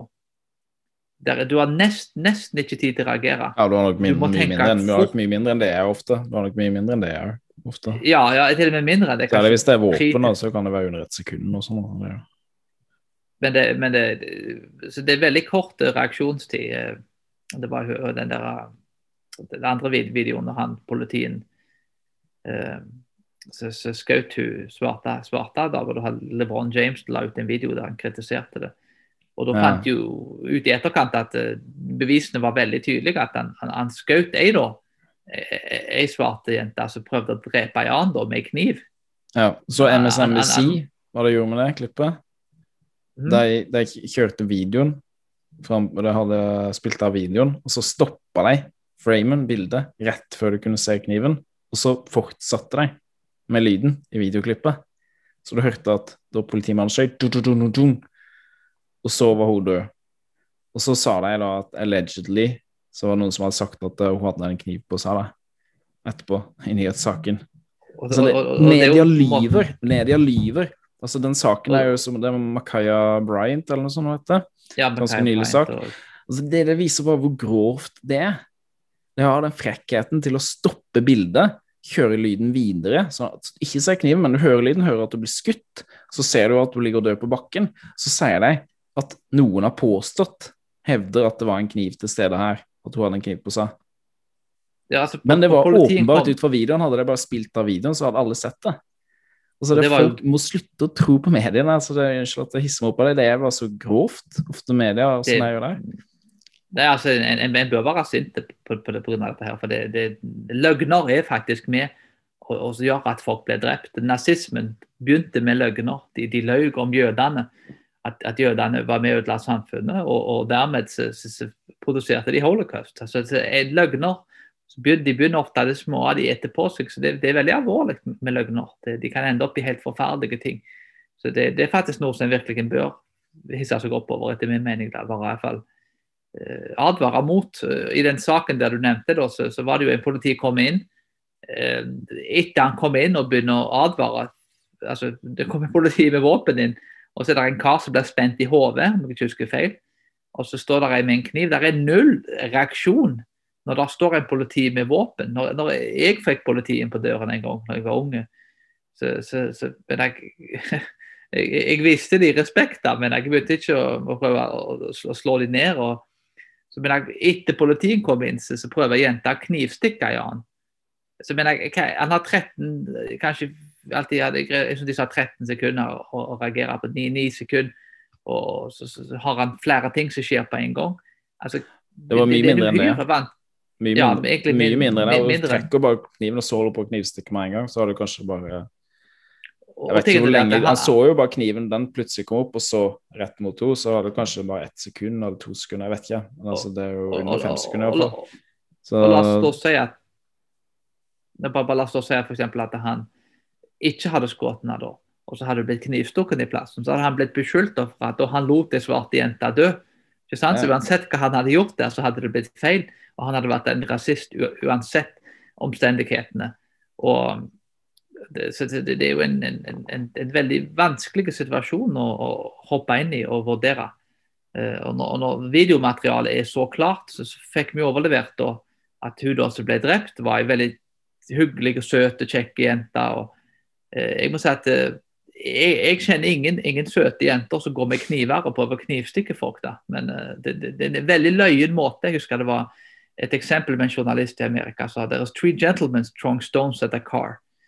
Altså tre gentlemen som kaster steiner på en bil. Og jeg må si at jeg har aldri truffet gentlemen som står og kaster stein på biler. Det, det var skikkelig hyggelige, flotte, flotte ungdom. liksom. De tar opp svære steiner og knuser, knuser vinduer på, på, på Tesla. For en flott gjeng. Dette, disse folkene må ha til, til, til, til, å komme hjem og ta en, ta en, ta en pizza. Det, det, altså, den betegnelsen, mener jeg, gentlemans altså På folk som bedriver sånne ting, og søte, flotte, fantastiske helgener, Folk folk som og knuser biler, folk som tar fram kniver og stikker folk i halsen, er gode mennesker som egentlig vil godt det, altså, det, det, det, er jo så sprøtt, mener jeg, å høre den retorikken. Altså, Godt er ondt, og ondt er godt, og søtt er surt, og surt er søtt. altså det Ordet mister jo totalt meningen sin. altså Det er ingen som vil kunne gå objektivt inn og si at mennesker som bedriver disse tingene, er, så fantastisk kjekke gode. da. Det, dette er et politisk spill så, som ikke har noe med virkeligheten å gjøre. Yes, la oss gå videre. Andre løgner til BLM er at det sier at svarte blir jakta på og drept av hvite. Noe som er ikke er sant. Er, som du har nevnt, så er jo det i Amerika så er det sånn at svarte dreper svarte og hvite dreper svarte. Og at uh, vold og drap på tvers av rasene eller en uh, unntaket snarere enn regelen. Men hvis en tar all den uh, hva skal jeg si, tverrrasevolden mellom svarte og hvite i en uh, boks og ser på det, så er da 85% av volden og, og drapene uh, begås da fra svarte mot hvite, og 15 fra hvite mot svarte. Så det er jo helt motsatt virkeligheten, i så fall hvis en skal se på den statistikken. Så det er jo en annen løgn til BLM.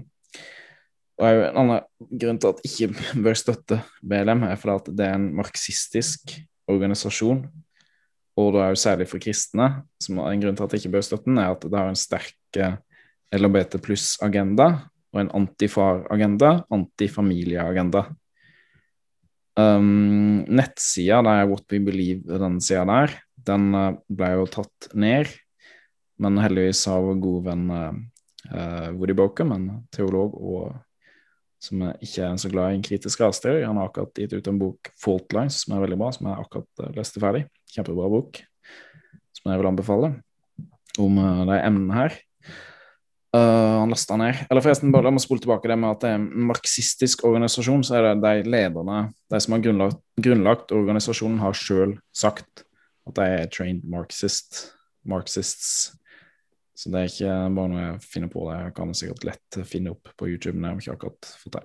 Men det er iallfall den What We Believe-sida, hvor de bakom har da greid Han arkiverte den før den ble tatt ned. for han, han uh, sa at han, uh, han uh, eh, forventa at jeg kom til å ta den ned. Han tenkte at etter hvert som det ble mer mainstream, så kommer det til å bli problematisk for deg å ha denne sida her oppe og ha alt der oppe, for det blir for radikalt, og det ville vært for lite inkluderende for alle svarte, og særlig for svarte menn, da ville følt seg ekskludert fra det som står her. Så derfor tok de det ned. Men iallfall her har du et sitat fra en side her. We disrupt, altså det her fra What We Believe Black Lives Matter, som ble arkivert 4.6.2020. Uh, we disrupt the Western prescribed nuclear family structure or requirement by support ja, bla, bla. Altså, det, altså de vil bryte opp, eller disrupt, bryte opp, den vestlige foreskrevet kjernefamiliestrukturen. Et av deres mål er da å faktisk ødelegge kjernefamilien. Og det er jo som det står mye her om svarte mødre videre, parents videre, men ett ord som ikke står nevnt et eneste sted her. Jeg mener iallfall det. Jeg kan jo Søke for uh, sikkerhets skyld. Ja, søk det her. Søke. Father. Ingen treff. Søker du på mother, tre treff. Parent Oi. Parent, to treff. Så det står ingenting om fedre. Står bare om parents, mothers og så videre. Så Ja, så står jo denne løgnen om Traven Martin. Den uh, blir da òg uh, sagt her i begynnelsen. George Simmon, bla, bla, bla. Så Så står det med Mike, Michael Brown, at det ikke bare justice for ham, osv. Så, videre. så det lyver, what we believe-greia her, om, om historien, hva som har skjedd. Og et av målene deres er å ødelegge kjernefamilien. Og er det én ting svarte i Amerika ikke trenger, så er det en enda større ødeleggelse av kjernefamilien. Ca. 75% av alle svarte barn i Amerika vokser opp uten, eller kun med én forelder, og det er det som regel mora de vokser opp med, uten en far i livet sitt. Og mye av de sosiale problemene de opplever med stor grad av kriminalitet, er nok da mye, mye er nok pga. at de vokser opp uten fedre, og at det er svake familiestrukturer. Ofte, ofte de områdene der det er veldig mye kriminalitet, så er jo det ofte tallet enda høyere, oppe i 80-90% av barna vokser opp uten fedre. Så VLM, en dårlig, dårlig organisasjon. Uh, enig, Jonas? Ja, absolutt. Det, det er en organisasjon som mye av, av, av norske og blant kristne ikke har av en annen forunderlig grunn ikke har klart å kritisere det ordentlig. Vi vil ødelegge familien. Ja, en fin gjeng. Det, det, det er jo nesten utrolig å se egentlig altså, at folk er livredde for det politisk korrekte. Livredde for at du vil bli markert som en, en som ikke da er mainstream. At en, en, at en støtter folk som, som, som bokstavelig talt vil ødelegge familien. Og bare for å si det klart og tydelig, det er en bok faktisk av Paul Kengor eh, som heter da um, Takedown.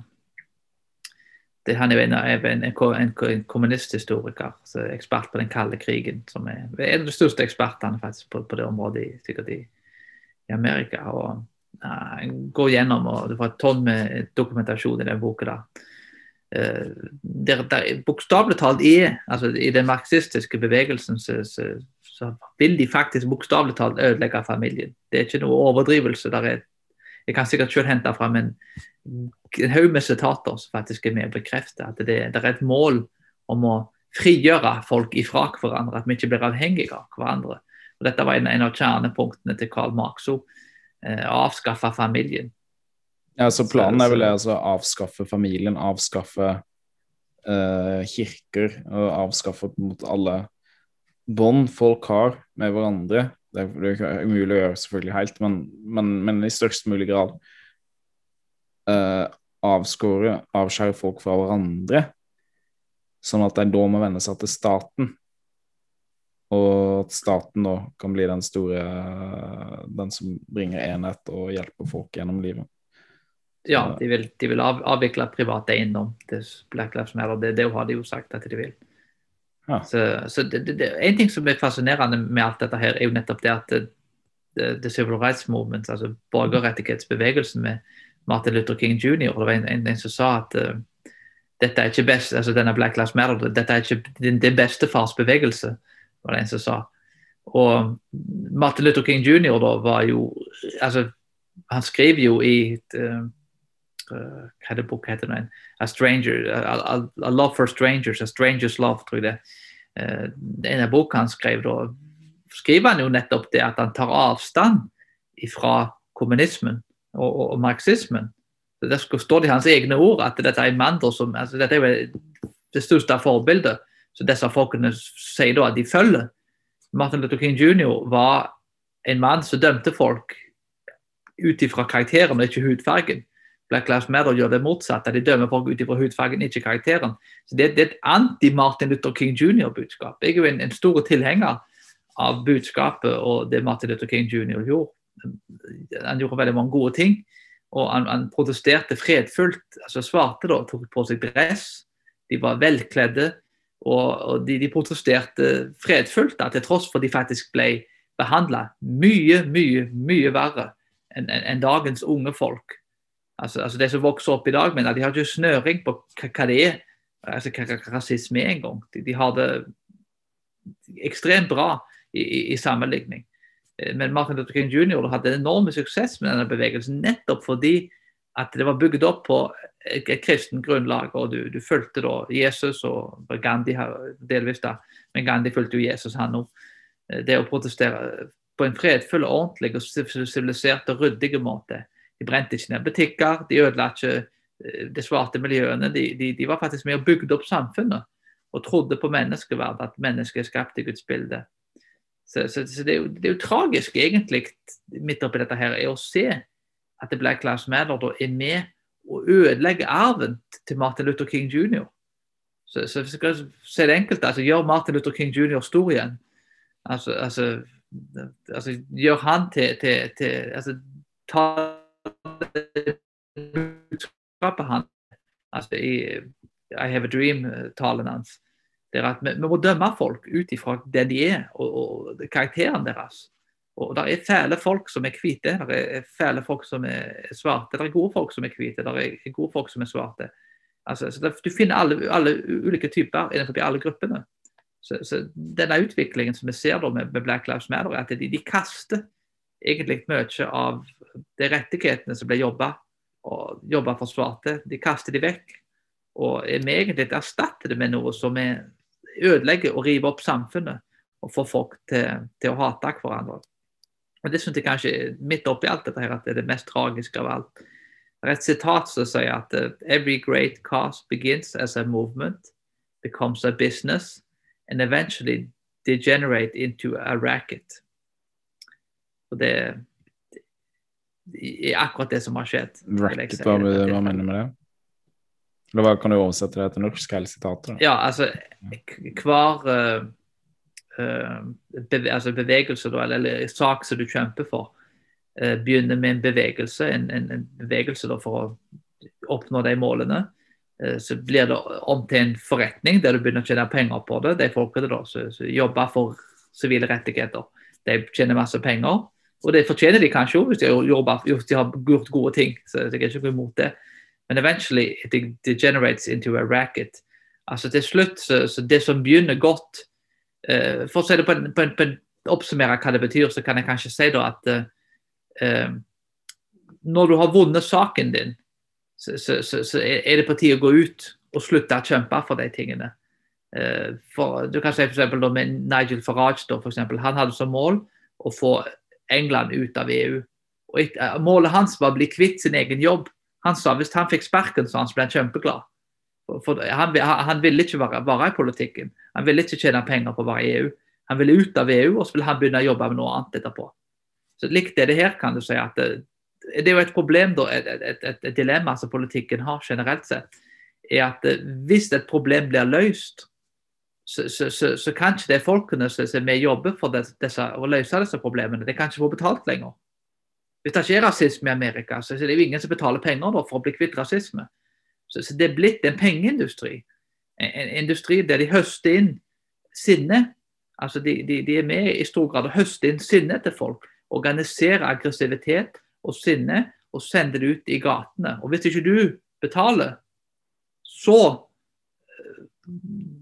da, da kommer man på døra di og lager show og lager problemer for deg. Så bare betal.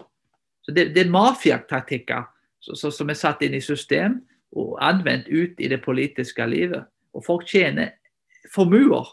De som sitter og styrer disse tingene, tjener formuer. Og, og problemene, når de blir løst, så, så, så, så, vil ikke folk tjene penger på det lenger. Altså Hvis folk kommer ut av plantasjen, mener jeg, så, vil det ikke være mer penger å hente.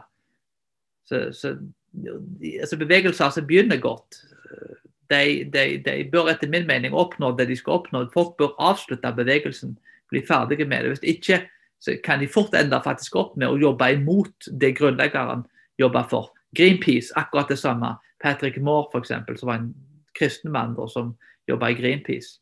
Den organisasjonen vokste ut av ei kirke, må bevare miljøet. Bra, ikke sant? det er noe alle kristne bør være for. I dag så er Greenpeace, Han måtte gå ut av Greenpeace, han har gått ut og skrevet flere bøker om det. Og han sa at bevegelsen var overtatt av radikale eh, folk som da var egentlig ville, var antimenneske. Så jeg synes det begynte godt, bevare miljøet, men, men, men når de hadde oppnådd målene sine, da, så, så endte det opp med å bli noe helt annet enn det opprinnelig var. Og dermed da, så ble hele bevegelsen og, og det de jobber for, de, de, de, i plassen for å frigjøre folk og jobbe for rettigheter for folk, så er de med å undertrykke folk for å tjene penger. Det var kanskje et, et, et langt svar på et kort spørsmål, men Ja, nei, det er bra. Yes, Da tenkte jeg vi kan gå over på kritisk raseteori. Hva er kritisk raseteori? Det er jo grunnlaget til mye av det Hva skal jeg si, denne her eh, antirasismen som vi ser, da, som er, som er egentlig Det er jo veldig klart med Black Lives Matter da, at, det, det har gått helt ut av Mista helt kontrollen på det. At det, har blitt helt klikka helt. da. At det, det, det, bryr seg ikke om statistikk, det bryr seg ikke om fakta. Det er irrelevant. De vet bare at Amerika er et rasistisk sted, og at de blir jakta ned av uh, politifolk. Og at hvite er store, stygge ulven. Og sånn er det bare, uansett hva faktaene egentlig sier. Så hva, hva er kritisk raseteori, som mye av det her ja, bygger på? da? det er tre begreper som, som, kan hjelpe oss litt da, med å forstå dette. her, og Det er woke, kulturmarxisme og kritisk raseteori. Og alle disse begrepene da blir av, Når en tar opp disse tingene, blir en beskyldt for å være konspirasjonsteoretikere og alle de tingene. Men, men, men, i realiteten så ser vi jo disse tingene spille seg ut i samfunnet. og Man kan kalle det har ikke så mye å si for min del. En kan kalle det identitetspolitikk hvis det er litt mer politisk korrekt. Men altså, altså Woke da, er jo da et uttrykk som blir brukt veldig mye i dag. og Det å bli opplyst om rasisme og sosial urettferdighet som skjer i samfunnet. Det kan sammenlignes litt med, med Matrix, da, når Nero får valget mellom en rød og blå pille. da. Når han da tar den rette pilla, så, så, våkner han opp da og ser at han har vært et batteri som blir brukt av maskinene da, for for å lade opp energien deres. Men, mens egentlig så var det et dataprogram i hjernen hans. Men, mens nå ser han virkeligheten sånn som han egentlig er, så lever han da i, på en planet som er blitt ødelagt av maskiner. Så, så det har litt med det å bli opplyst og klartenkt om disse tingene. Kritisk raseteori da blir jo da kritikk av samfunn og kultur med å avdekke maktstrukturer. En annen måte jeg forstår det på, da, er jeg skal ikke gå altfor mye inn på det, men altså, kritisk teori da kan være en, en slags anvendelse av marxismen. Altså en, en, anvendelse av marxismen til kulturen, da vi kaller det kulturmarxisme. Det handler ikke lenger om arbeiderklassen, da, som var fokuset hos Karl Marx, men om rase og kjønn. Eh, I Vesten da, så, så var arbeiderklassen såpass mektige, og middelklassen var såpass stor at det var eh, marxismen fikk aldri noe stor suksess i de vestlige landene, fordi det var enkelt å, å, å tjene penger og, og, og, klatre seg opp. Så, så marxismen lykkes i land der det var umulig å komme seg opp til middelklassen, for den eksisterte ikke. Der det var et enormt stort mellomrom mellom fattig og rik. Men eh, å angripe da, dette med rase og kjønn, det har vist seg å være ekstremt effektivt. Altså Menn har undertrykt kvinner, hvite, svarte, kristne, alle andre religioner. Heterofile har undertrykt homofile og foreldre har undertrykt barn.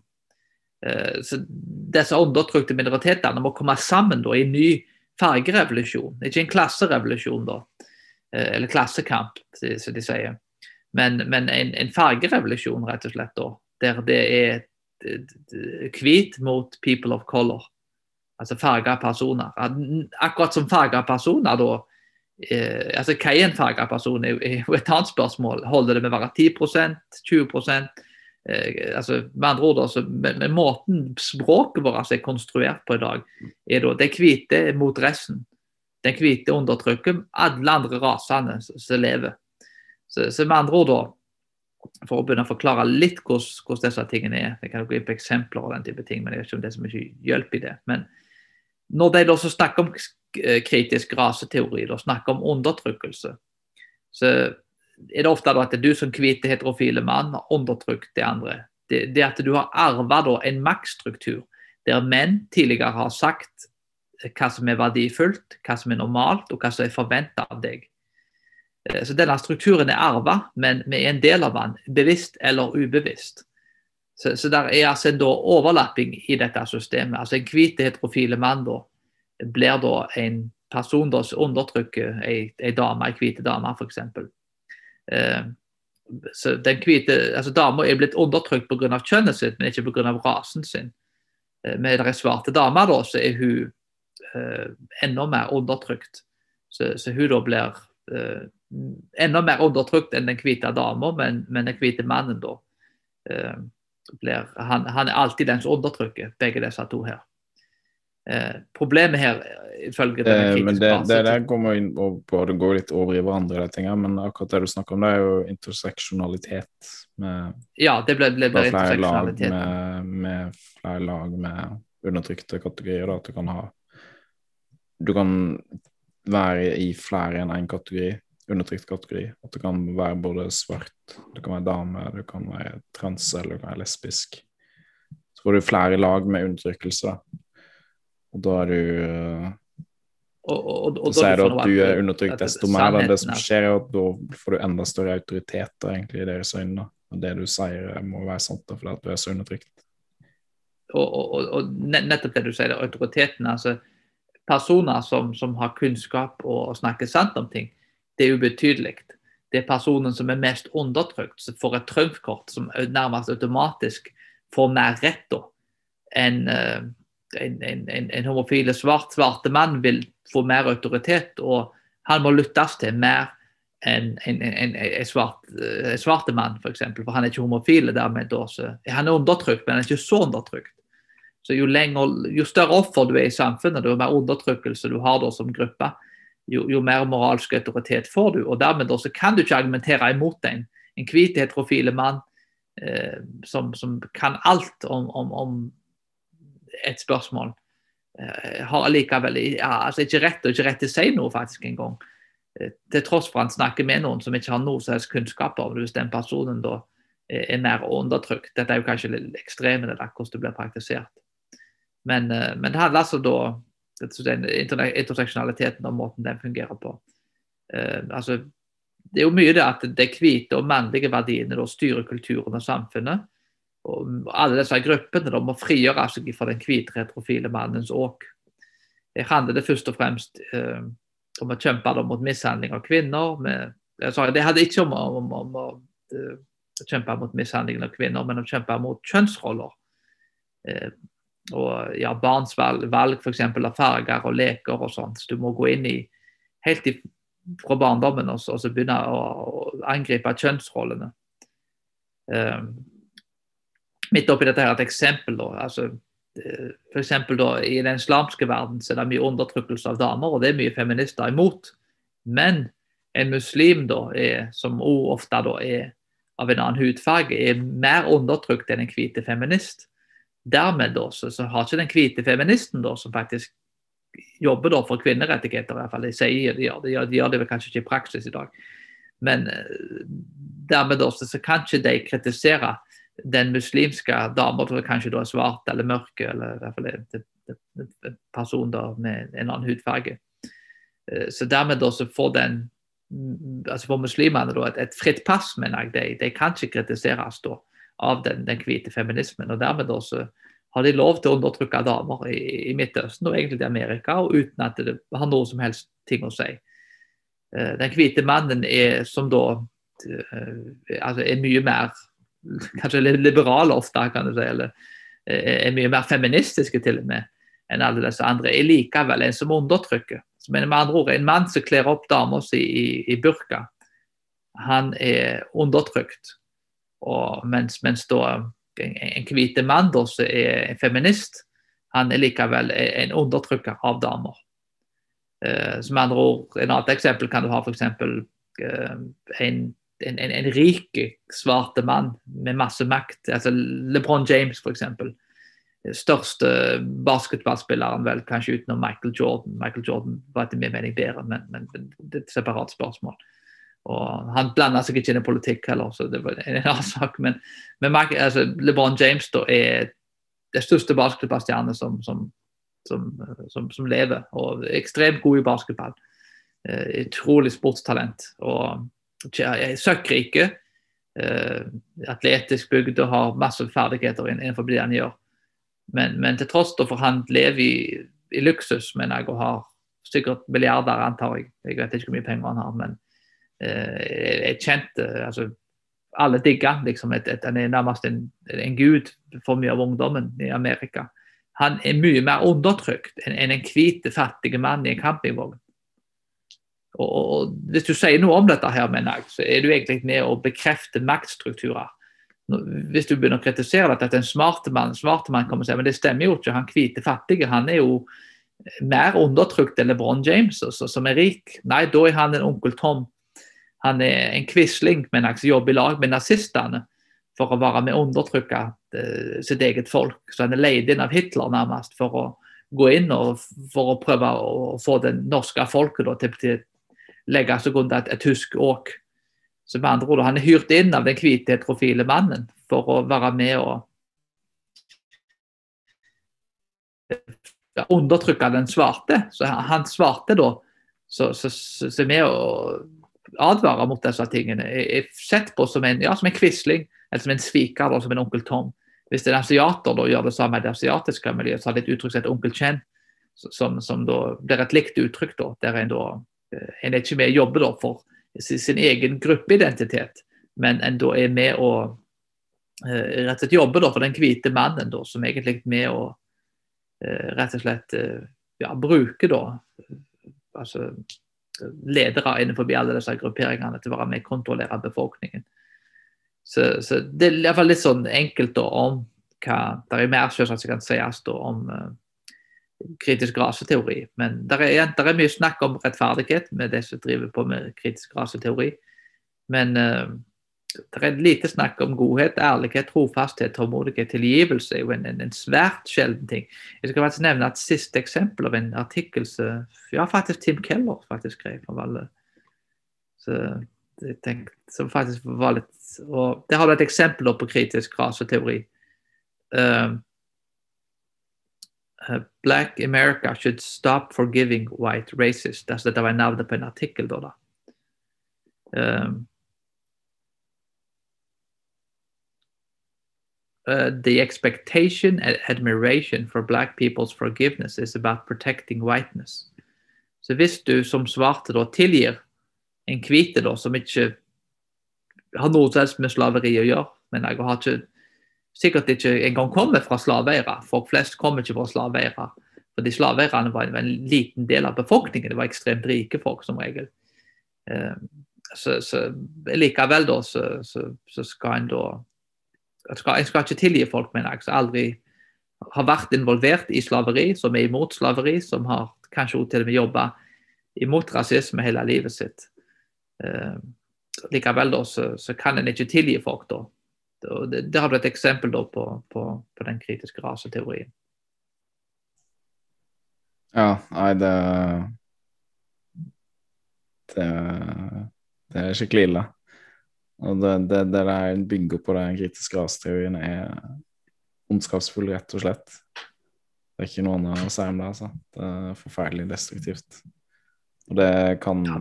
føre til borgerkrig, rett og slett. og folk begynner å slakte hverandre ned i gatene. Tenkte vi kunne avslutte jeg tenkte vi kunne avslutte med å se på litt av videoen med han eh, Tony eh, Timpa, som døde på lignende vis som George Floyd. Men men, men, egentlig mye verre. Det var i 2016. Uh, politifolkene spøker og ler med han. Og det er ikke sånn som med George Floyd, der det var alvorlige. Og han her fyren ringte sjøl politiet, for han var schizofren. Han hadde ikke tatt medisinen sin, og kanskje, jeg tror han hadde mista den. Så han ringte politiet, han selv, skjønte sjøl at han trengte hjelp. De la han i bakken. Han sa at 'you're gonna kill me, you're gonna kill me', sa han. Og så, så bare spøkte og lo da, og så sa de 'har du sovna', og så videre. Åssen går det, nå må du, nå våkne, liksom, nå skal du på skolen snart, og så videre. Uh, så var han død. Helt grotesk scene. Jeg vil si enda verre enn det som skjedde med George Floyd. Jeg har ikke hørt om det. Folk bryr seg ikke om han. Hvorfor det? Jo, fordi han var hvit. Passer ikke narrativet. Så det som er grunnen Hadde han vært, hadde han vært svart, så hadde du sett det over hele media. Det ville vært en like stor sak som det med George Floyd, sikkert enda større.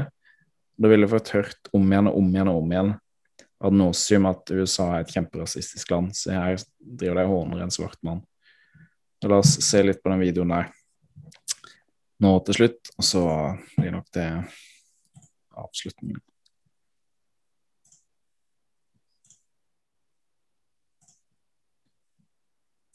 Tony. Tony!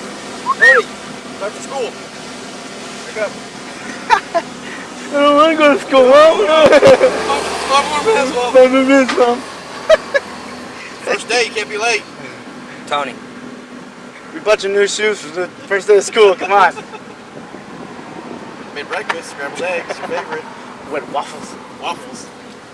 Fruity, tutti, fruity waffles.